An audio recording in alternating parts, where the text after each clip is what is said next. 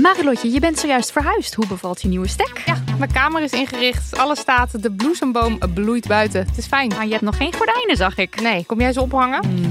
Maar het ding is dus, desondanks alles slaap ik als een koningin dankzij mijn matras van Emma Sleep. Een prinses zonder ert ben jij. Al leg je een ert onder mijn matras, ik denk niet dat ik er last van heb, want het is een hemelsding. En dan heb ik ook nog mijn Emma Diamond Pillow. Jouw slaapkamer is een slaapparadijs. Wil jij dat nou ook? Ga naar emma-sleep.nl en daar vind je moederdag sale met kortingen die oplopen tot wel 50%.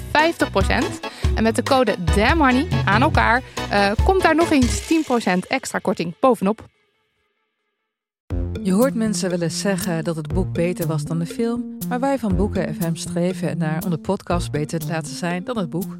Wij lezen de klassiekers die je nog niet gelezen hebt. We lezen de boeken die je heel graag wil lezen, maar waar je eigenlijk voor schaamt om in het publiek mee gezien te worden.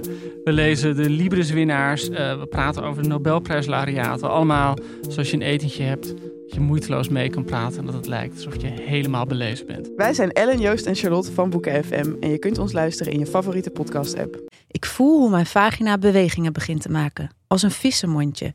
Een ijzerachtig gevoel in mijn hele vulva. Ik sluit mijn ogen, cirkel dan met wijs en middelvinger over het buitenste stuk van mijn clitoris. Ze springt meteen aan. Ik voel haar stijf worden aan de buiten- en binnenkant. Ik sjor mijn spijkerbroek uit zodat ik mijn benen meer kan openen. Draai langzaam rondjes om de natte ingang van mijn vagina om mezelf te teasen. Ze trekt zich samen, zuigt haast, alsof ze naar iets reikt. Mijn onderbuik zoemt. Het weeige gevoel verspreidt zich naar mijn bovenbenen en borst. Ik adem diep in en uit. Voel mijn schouders zich ontspannen. Ik open mijn ogen. De hemel is intussen inkblauw geworden. Ik pak de rammelaar naast mijn ondersteboven vast, sluit mijn ogen weer, stimuleer met mijn ene hand mijn clitoris, terwijl ik met mijn andere hand het plastic ding langzaam naar binnen breng. Oh,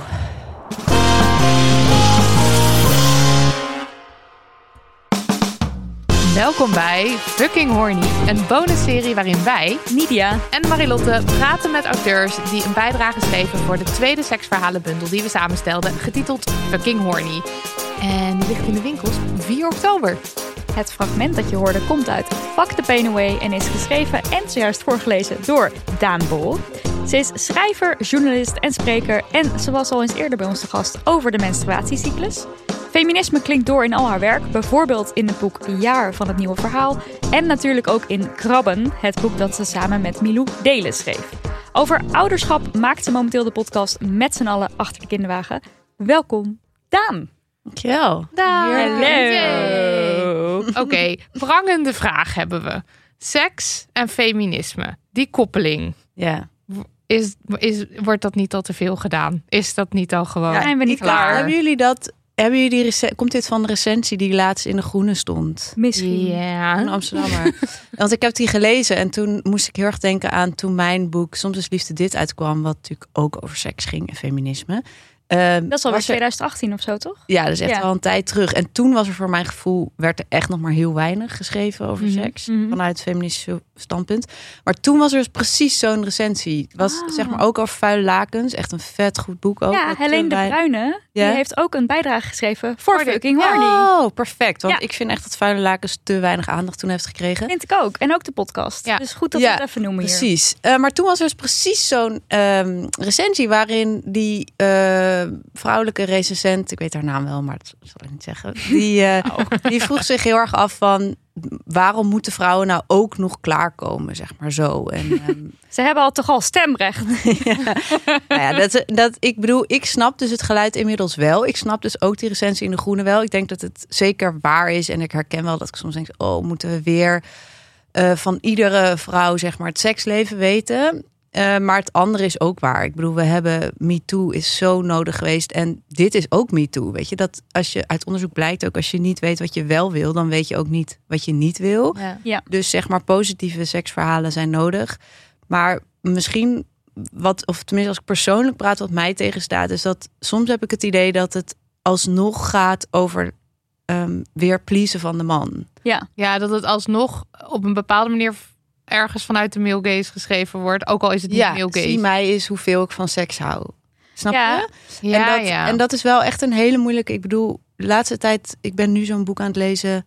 Female chauvinist Pics of zo. Oh, Zo best ja. wel een oud boek. Ja. Maar daardoor ben ik ook in één keer weer helemaal in verwarring over die koffer. Milou en ik ging natuurlijk ook met blote borst op de koffer. Het Ja. is natuurlijk zo'n subtiele grens van wanneer doe je iets echt omdat je eh, denkt dat het voor bevrijding zorgt op seksueel gebied. En wanneer is het toch weer om te laten zien, kijk eens eh, wat voor een leuk vrouwtje ik ben. Snap je? Ja, dit is een hele Mhm. interessante lijn die je loopt. En dat Want is dat is vervelend, want je, je weet nooit wanneer komt het nou uit mij, wanneer komt het nou vanuit Precies. de samenleving. Dat is natuurlijk nooit, je bent nooit dat alleen weet maar... je. Je bent nooit Nee. alleen jij, maar ja. Maar goed, ik ben wel heel erg voor, voor meer wat jullie dus doen met je boek, dat het fictie is. Dat vind ik heel interessant. Want dan gaat het dus eigenlijk niet meer over. Dan is het niet zo van: kijk eens hoe mijn seksleven eruit Mhm. ziet. Ja. Ehm, daar ben ik heel erg voor. En volgens mij is dat nu ook met eh ehm, Storytel, natuurlijk ook zo'n seksverhalen door en vrouwen. Ja.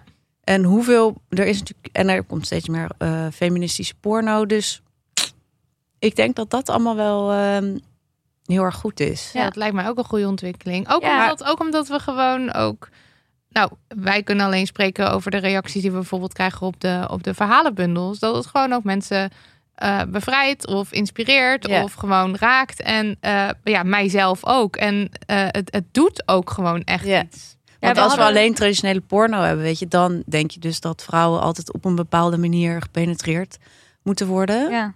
Maar tegelijkertijd heb je natuurlijk ook Michel Foucault, die filosoof die dus zei van in het Westen denken we heel erg dat we eh, gevangen zitten wat seksualiteit betreft. En daardoor zeggen we de hele tijd we moeten heel open zijn over seksualiteit. Met als gevolg dat we eigenlijk alleen maar nog meer gevangen raken. Want daardoor krijg je een soort idee wat normaal is en wat dan abnormaal is Ja. in seks. Ja. Dus als zeg maar honderd mensen zeggen van... oh, eh, wij doen twee keer per week en dat is super normaal...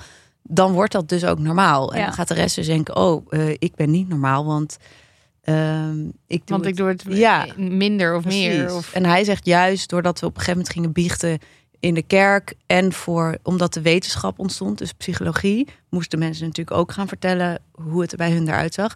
Dat je daardoor... Dus hoe meer, hij zegt eigenlijk hoe meer we daarover praten en vertellen... hoe meer we een beeld krijgen van normaal en abnormaal. En dat is juist op een ge- gebied van seksualiteit natuurlijk heel jammer. Want je wil eigenlijk Ja. gewoon bij iets van je lichaam komen... dat niet meer gaat over ideeën. Terwijl Ja, dan tegelijkertijd wat jij dus- zegt, je wordt ook geïnspireerd. Ja, want het is. eh, ah, jij zegt eigenlijk het tegenover. Want normaal zeggen wij altijd: je, je, vertel, je praat erover, je vertelt je verhalen. En op het moment dat jij denkt: oh, hier schaam ik me voor, ik ben vast de enige. Weet je gewoon dat als je je mond opentrekt, dat je niet de enige bent.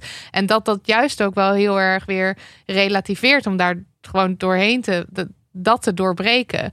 Ja. Maar Foucault zegt blijkbaar wat anders. En zo, dat mag allemaal. En dat Ja. mag. Maar het is dus denk De ik grote allebei Marilotte waar. Hagen zegt dit. En De Foucault. grote Ja. Foucault zegt dat. Ja, precies. Ja, en het is ook wel echt eh, met eh, onze eerste verhalenbundel, Damn Horny, hebben we bijvoorbeeld mensen die hadden het boek gekocht en die lieten het dan door ons signeren. En er was er iemand die zei, nou dit is mijn vriendin en dankzij dit boek weet ik überhaupt dat ik eigenlijk op vrouwen val. Dus Mm. het kan ook wel weer, eh, het plaatje wat we hebben, wat er dan zoveel over geschreven of gezegd wordt, is vaak toch cisnormatief, heteronormatief. Ja. En daar hebben we ook echt wel eh, met Damn Horny en Fucking Horny willen we heel graag ook heel veel queer mensen aan het woord. eh, die een perspectief met zich meebrengen wat we nog te weinig Ja, zien. En, En juist daarvan wel horen wat de verlangens en de fantasieën zijn. eh zodat en, en hoe ook werken de dingen? Ja. Hoe- ja. weet ik veel. Als maar je, daarom ben ik ook wel... Ik snap dan ook niet zo goed waarom er weer zo'n stuk in de groene komt, hoor. Ach het is ja, wel een dat kan je ook gewoon tegengeluid of zo. Maar zij hebben... Ja, ik ben heel erg fan van de groene. Maar er is niet vaak een positief stuk over seksualiteit. Dus maar over waarom seksualiteit. dan wel, waarom dan wel de, alleen de negatieve? Maar goed. Ja, ook- Maakt er niet uit, dat hele stuk. Wat ja. maakt dat Wat stuk doet uit? de groene Ja. ertoe? Eh, maar de discussie is wel belangrijk. Ja. en, en seksualiteit is wel ook een terugkerend thema in je werk. Ja, Hoe komt het dat je daar toch op terugkomt? Ehm, nou, wat ik heel interessant vind aan seksualiteit is een beetje eh, wat al zit in die tekst van Audre Lorde. Nu ben ik natuurlijk even vergeten wanneer dat is uitgekomen en hoe het ook weer heet.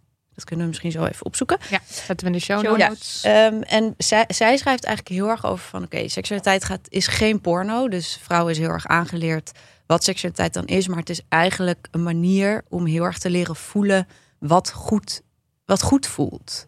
Dus als je zeg maar werkelijk van seks kan genieten, en dan gaat het helemaal niet over hoe vaak je doet of wat je dan precies doet. Maar als je leert aan je lichaam te voelen wat goed voelt, dan maak je een soort van intuïtie of een soort van sensor bij jezelf aan wanneer iets goed voelt. Dus dan kan je ook in je rest van je leven, zeg maar, gaan voelen: oh, dit voelt niet goed. Hier wordt de grens overgaan. Of hier wil ik graag naartoe, maar eigenlijk zegt mijn hoofd dat ik dat niet mag verlangen. Ehm, dus dat gaat dan echt over seks, maar eigenlijk over gewoon je hele leven. Voor alles. Dus dat het fysieke voelen als een soort kern om de rest van je leven ook te kunnen gebruiken. Ja, precies. En dat vind ik zelf heel interessant. Dus ik, in- ik interesseer me niet heel erg in seks van oké, welke standjes kan je allemaal doen? Terwijl dat is natuurlijk eh, een uitkomst, denk ik, ervan, als je in contact staat met je lijf. Maar meer dus van hoe kan seksualiteit bij helpen om verbinding met jezelf te maken en met anderen natuurlijk. Mhm. Want seks kan je ook met andere mensen hebben. Ehm, en als dat lukt, is dat zo cool. En dat, dus dat, ja, ik weet niet. Als dat dan in seks lukt, denk ik, oh, dan lukt dat ook misschien meer in de rest van je leven. Ja. Dus, oh. Ja. Maar nu lijkt het wel heel erg alsof een soort seks een soort oefenterrein is. De rest Seks is het oefenterrein en dan daarna. Dan het echte leven. Ehm, ja, En, en zit dit wat je nu beschrijft, heb je, is, is dat iets wat je ook wilde overbrengen in je verhaal? Wat je, wat je voor fucking horny hebt geschreven? Of, eh, Nou, voor fucking horny, dit, ik vond het gewoon heel leuk dat ik voor jullie een seksverhaal mocht schrijven. Omdat ik dacht, oh, nu kan ik echt ook een soort van buiten de normale standaard of zo iets bedenken. En ik wil dus heel graag een alleenstaande moeder, omdat ik vaak ook terugkrijg van alleenstaande moeders dat er altijd zo negatief over wordt geschreven. Dat het zo zwaar is en dat ze allemaal niet aankunnen en zo. Terwijl mm, dat natuurlijk helemaal niet het enige is. zijn volgens mij ook voordelen aan alleenstaand ouderschap. Eh, dus ik wilde heel graag een alleenstaande moeder. En ik wilde heel graag dus zorg en seks in mijn verhaal. Ja. Omdat ik dat gewoon bijna niet zie. Er is ehm, Maggie Nelson heeft in haar boek erover geschreven. Over een tentoonstelling die ze dan bezoekt. In de Argonauten, dat boek. En ik weet één scène van ehm Marijke Schermer in het boek Noodweer, de roman. Daarin zit een vrouw en die heeft net een baby gekregen. En zij gaat tegelijkertijd haar kind eh, de borst geven. En tegelijkertijd haar man seksuele activiteiten mee. Ik weet even niet meer wat ze precies met hem doet. Maar eh, jullie hebben nog geen borstvoeding gegeven, toch? Nee. nee. Wat is best wel, het is en echt heel irritant, maar het geeft dus ook een heel fijn, het kan ook een heel fijn gevoel geven. Gewoon Mhm. hetzelfde gevoel in je buik. eh, of had ik tenminste, als dat je opgewonden wordt. Ja. Dus het begin van, van seks meestal. Of begin van, nou niet begin van seks, maar begin van dat je denkt van, oh, er gebeurt iets in mijn lijf. Volgens mij is dat gewoon die hormoon, die liefdeshormonen die je aanmaakt. Eh, En je wordt letterlijk gestimuleerd aan de tepel natuurlijk. precies, Dus dan ja. Nou wordt je tepel wel echt dan een soort... Heel rauw. Ja, precies. Ja. Dan allemaal iets anders. Rauwe tepel. Ehm, maar eigenlijk ligt dus, ja, denk ik, zorg en seksualiteit ligt best wel in het, ligt gewoon heel dicht bij elkaar. En het gaat Ja. ook in elkaar over. En ik vond ook toen ik een, een kindje kreeg, zeg maar, ehm, die intimiteit die we met z'n drie hadden en met een kind. Want wat, je, wat ik in een liefdesrelatie wil of zoek, is ook heel erg eh, fysiek contact. Dus heel erg aangeraakt worden. En dan bedoel ik echt niet alleen met seks, maar dus echt meer de sensuele kant. En als je een klein kindje hebt, wordt dat eigenlijk gewoon de hele dag gewoon die lekkere handjes. Je kan Knuffelen, hele kussen. ja. Ja. het is gewoon, Ja. wordt gewoon zo'n lichaamshonger of zo wordt daarmee vervuld.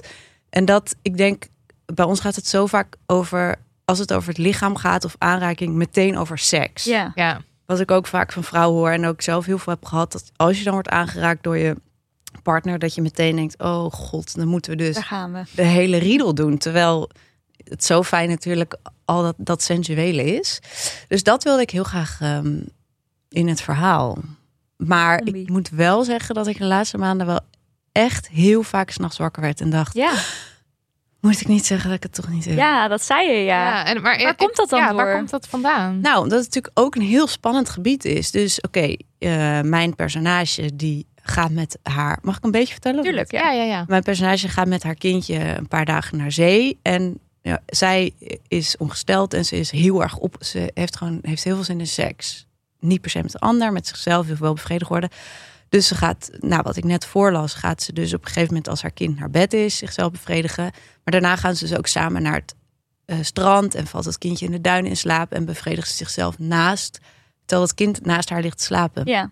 En daar dacht ik in één keer over van wat zijn daarin eigenlijk dan de grenzen? Hoe dichtbij mag. Dus we hebben het nu, had ik het heet over sensualiteit. Dus dat het gewoon heel fijn is dat je lichaam wordt aangeraakt en dat je een ander mag aanraken. Maar het, er is natuurlijk een grens. Op een gegeven moment wordt het seksueel. Dan ga je volgens mij naar een, ben je meer bezig met een orgasme Mhm. of met echt bevrediging. En dat past natuurlijk weer helemaal niet in de buurt van kinderen of Ja. zo. Dus de, de spanning zit er dan in van oké, maar er gebeurt niks met het kind, maar gewoon dat het kind zo aanwezig is in het verhaal en dat ik toch echt over seksuele handelingen schrijf, dat is spannend om. Ja, buiten voel te ik heel erg van, kan, kan dat dan? Ja. Ehm, dus, eh, daar, ja, dus daar heb ik veel over wakker gelegen. Maar goed, het is En nu, fictie, is dat nu? mag- Nou, nu was ik heel blij. teruggetrokken. Nee, ja, dat omdat ik nog dacht, in. ja, omdat ik ook de hele tijd dacht van, ik vind het ook wel interessant wat, wat er dan mee gebeurt. En het is natuurlijk, kijk, als het een, in iedere andere context was, was het oké geweest, maar nu is het echt, echt specifiek in een seksbundel, waardoor het dus kan lijken zo van, het is, Opwindend. het is opwindend om naast je kind seks te hebben. En, En dat, dat is echt niet. totaal Nee. niet Nee. mijn bedoeling Zo heb ik het Maar nooit ook Ik gelezen of opgevat Ja. of iets. En En ik vind het heel mooi ook dat je juist die combinatie maakt. En dat daar dus ruimte voor is in dit boek. Ja, En ja, dat hoop ik. ja, want we, willen natuurlijk ook juist. Als jij zegt, ik weet twee boeken waar ik scènes weet waar dan eh, zorg en sensualiteit of seksualiteit met elkaar Ja. gecombineerd, dan is daar niet genoeg van. Dus er zou wel Ja. gewoon meer van moeten zijn. Ja. Ja, dus eh, nou, dat is dan hieraan we zullen zien. Ja. Gecanceld worden. We gaan het zien. Nou, En, eh, put je dan uit je eigen ervaring, want je bent dus jonge, jonge moeder. Of Ja. hoe zeg ik dat nou? Je bent, je bent Ja. ouder van een jong kind. Ja, ik, weet, ik Ja. kom er nooit uit als ik dit zeg. Ja, want je Maar bent niet jong. Ik ben niet heel erg jong of zo. Nee, je bent moeder van een nog jong versmoeder. Ehm, nou, ik heb wel, eh, dus wat ik net vertelde, die ervaring met die sensualiteit, dat heb ik wel echt als een heel groot cadeau ervaren. Ja. Eh, en dus ook dat je zelf helemaal niet eh, ehm, verdwijnt. Dus ik was van tevoren, toen ik zwanger was, heel bang zo van, oh, zul je zien dat het dat ik zelf en mijn seksuele zin zeg maar heel erg verdwijnt. Het wordt natuurlijk wel je wereld wordt zo'n eerste jaar heel Mhm. klein. Dus dan nou, ben je niet echt bezig, of was ik niet echt bezig met flirten of met andere mensen. En nu langzaam zie ik, oh ja, die wereld wordt Komt groter. Ehm, maar ik was na mijn bevalling bijvoorbeeld echt heel vaak heel geil. Hmm. Onder andere door die borstvoeding. Daar schaamde ik me ook echt voor. Ik dacht van, dit is toch niet normaal? Ik denk omdat ik zo verliefd was. En op een gegeven moment, na vier maanden stopte ik met die borstvoeding. En toen dacht ik ook bij mijn partner van, oprotten. Gewoon even weer mijn lichaam terugvinden. Ja. Ehm, dus voor dit verhaal heb ik er niet heel erg uitgeput. Maar wel het idee van, oh ja, we mogen wel zien dat ook jonge ouders gewoon nog steeds met seksualiteit en zeker sensualiteit bezig Ja. zijn. Ja. dat, dat, niet, dat het niet weg is. Nee, juist dat dat echt zo'n groot cadeau is dat je ook, of ik heb veel meer het onderscheid leren maken eigenlijk tussen sensualiteit en seksualiteit. En hoe groot onderdeel sensualiteit van seksualiteit is. Maar dat er dus wel een soort, ja, er is wel iets anders mee aan de hand. Maar ik ben nog heel erg aan het onderzoeken wanneer dat dan precies seksualiteit wordt. Ja. En op welke manier beïnvloedt ouderschap jouw seksleven? Ehm, nou, ja, zo'n cliché, minder tijd. Ehm, ja, en dat je. Nou, ik ehm, vind ik nog te moeilijke vraag. De beste Komt uit- ja, wel. komt later. Gewoon helemaal Ja. prima. Zoekend zijn Ja. mag ook gewoon. Ehm, wat heeft jouw seksleven veel goed gedaan? Is dat dan een vraag? Dat is een goede vraag. Ehm, mijn seksleven heeft heel veel goed gedaan. Daar schrijf ik ook in Soms Liefde Dit. Ik heb op een gegeven moment een zelfbeminningscursus gedaan. Van een Taoïstische, een Taoïstische cursus was dat. En dan ga je dus leren masturberen op een heel bewuste manier. Dus het is een beetje een combi van meditatie en eh, masturbatie. Mhm. En dat had ik eigenlijk toen daarvoor nog nooit gedaan. Ik ging gewoon altijd masturberen en dan in twee minuten zeg maar klaarkomen. Dat doe ik nog steeds heel vaak, maar ik ben niet een beter mens geworden. Maar dat was wel een heel bijzondere manier om eigenlijk je hele lijf te leren ontdekken. En zij geloven heel erg dat seksualiteit gaat over energie, dat je wakker maakt. Dus die warmte die je eigenlijk voelt in je lijf, dat je die kan gebruiken eh, om jezelf te helen. Mhm. Nou, dat is een veel te lang verhaal voor nu. Maar wat ik er praktisch heel mooi aan vond, is dat je twee keer per week of drie keer per week doe je dan je huiswerk. En dan ga je dus in je eentje op bed liggen en jezelf beminnen eigenlijk. Dus niet alleen maar hup, hup, hup, snel alles aanspannen en klaarkomen. Maar heel erg voelen van wat vind ik nou fijn met mijn lichaam. Ehm, en daardoor ook daarna kan je weer zoveel beter dat tegen een ander zeggen. Van wat je Mhm. wil. Wat je, wat je Ja. fijn Ja, vindt. En... Precies. Eh, dus dat heeft mij heel erg goed gedaan. En waar ik ook nog wel aan moest denken toen ik deze vraag van tevoren zag, is dat eh, seks met mensen waarbij, waarmee je niet per se iets van wilt. Dus voor mij was het echt een eye-opener. Ik was vooral vroeger veel, had ik seks met mensen waarvan ik dan een soort romantische relatie ook wilde. Eh, en dan heb je natuurlijk daar tegenover had ik wel one night stands, maar dat had ik nog steeds een soort verwachtingen bij of zoiets. Nou, ik weet eigenlijk niet zo goed, merk ik nu hoe ik het moet beschrijven, maar als je die verwachtingen allemaal loslaat, dat het dan heel leuk is om met meerdere mensen wel op een bewuste manier dan seks te hebben. Maar dit is wel een heel vaag verhaal. Maar zonder dat er meteen een Ja, dat je dus relatie, dat het meteen in een relatie zou uitlopen. Of dat je die verwachtingen hebt. Maar dus ook niet dat je misschien iets doet omdat je uiteindelijk meer wil van iemand of zo. Ja, Dus dat het heel erg meer in het moment of zo. Ja, maar ik zit nu wel te bedenken, dat was dus wel een periode nadat ik heel veel van die zelfbeminning had gedaan. En ook een hele lange tijd met niemand seks had gehad. Dus toen ook denk ik wel heel dicht bij mijn eigen lijf stond. eh, waardoor one night stands... Jij had al die Echt kennis anders. ineens over je lijf. Ja, je misschien wilde was delen. dat dan het wel het verschil in plaats van... Ja. Ja. En, eh, en eh, die cursus, die kunnen mensen gewoon doen. Dit klinkt hartstikke leuk. Ja, ja, dat is van eh Valleiorgasme en Marleen Jansen heeft ook een eigen. Oh ja, Dus- oké. nou, die zetten we dan ook in de show Ja, notes voor de mensen die geïnteresseerd zijn. Hoor ik daar nou het geluid van een rammelaar? Ja, ja, ik denk het wel. Het is tijd om dit gesprek te staken. Ja, jammer, maar het is niet anders. Daan, Ja, maar... dank je wel voor je verhaal en Ja. voor het aanschuiven vandaag. En onthoud, zorg en sensualiteit kunnen prima samengaan. Of onthoud het niet. Zelf weten.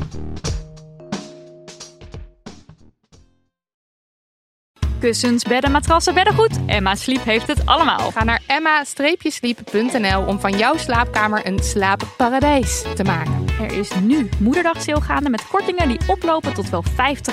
Gebruik de code DAMHONEY voor nog eens 10% korting daarbovenop.